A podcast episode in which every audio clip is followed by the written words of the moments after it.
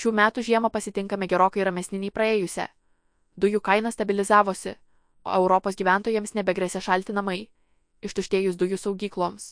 Elektros, kaip ir kitų žaliavų kainos, atsitraukė nuo rekordinių aukštumų, o įtampa tiekimo grandinėse atslūgo. Be to, išsikvėpė ir infliacija. Metinis jos rodiklis Lietuvoje jau siekia vos 3 procentai galiausiai. Atsparumą demonstruoja ir pramonė, ir nemaža dalis eksportuotojų, ir vartotojai. Galima konstatuoti, kad šalies ekonomika laikosi geriau, nei buvo galima tikėtis. Aišku, išlieka įvairių rizikų, kurios mus gali paveikti iš išorės, o didžiausia Lietuvos problema šiuo metu net nėra Lietuvoje - atsitraukusi infliacija. Šiais metais nuo neregėtų aukštumų atsitraukusios energijos ir žaliavų kainos prisidėjo prie kainų augimo stabilizacijos ir nedefliacinių tendencijų - prekių kainų mažėjimo. Negana to, į žemumas nusiritus perkama į galiai, o Europos centriniam bankui ECB pakėlus bazinės palūkanų normas iki rekordinio lygio, sumažėjo įmonių galimybės išaugusias sąnaudas perkelti galutiniams vartotojams. Vis dėlto bazinių palūkanų didinimo ciklas prieartėjo prie savo pabaigos.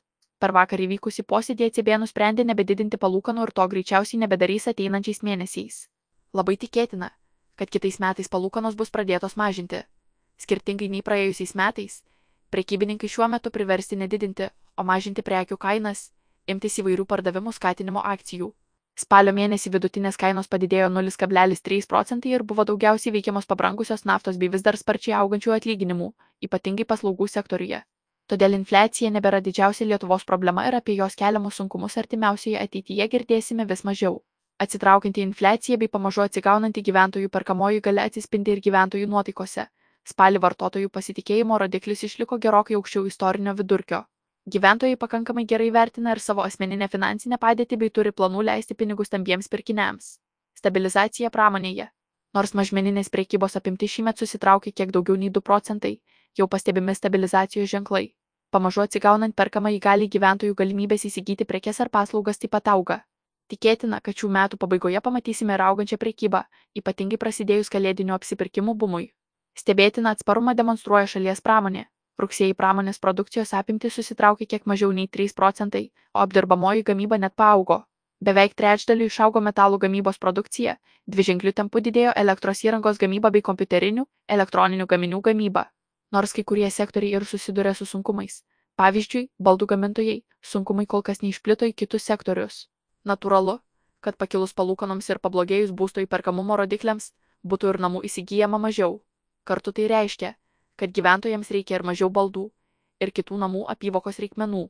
Tokį poveikį medienos, baldų sektoriai pajunta vieni pirmųjų.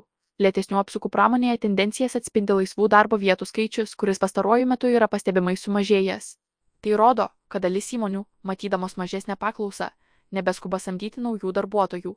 Priklausomybė nuo eksporto, nepaisant dabartinio pramonės atsparumo, rizika šalies ekonomikai susidurti su sunkumais išlieka. Taip yra dėl itin didelio Lietuvos ekonomikos atvirumo ir gamintojų priklausomybės nuo eksporto rinkų, kurių situacija yra kur kas prastesnė. Jei svarbiose eksporto rinkose ir toliau vyraus stagnacija, galime tikėtis išauksinčio nedarbo lygio. Rizikų kyla ir dėl karo Izraelyje bei tikimybės, kad konfliktas išsiplės artimųjų rytų regione. Tai galėtų dar labiau paveikti naftos kainas, kurios lemtų ir didesnę infliaciją ateityje. Tarptautinis valiutos fondas TVF skaičiuoja, kad 10 procentų pakilusi naftos kaina lemia 0,4 procentai punkto didesnį infliaciją ir mažesnį ekonomikos augimą visame pasaulyje. Nors didelio nuosmukio Lietuvoje tikimybė išlieka maža, prasta situacija eksporto rinkose ir geopolitinės įtampos gali lemti lėtesnį ekonomikos atsigavimą artimiausiais metais.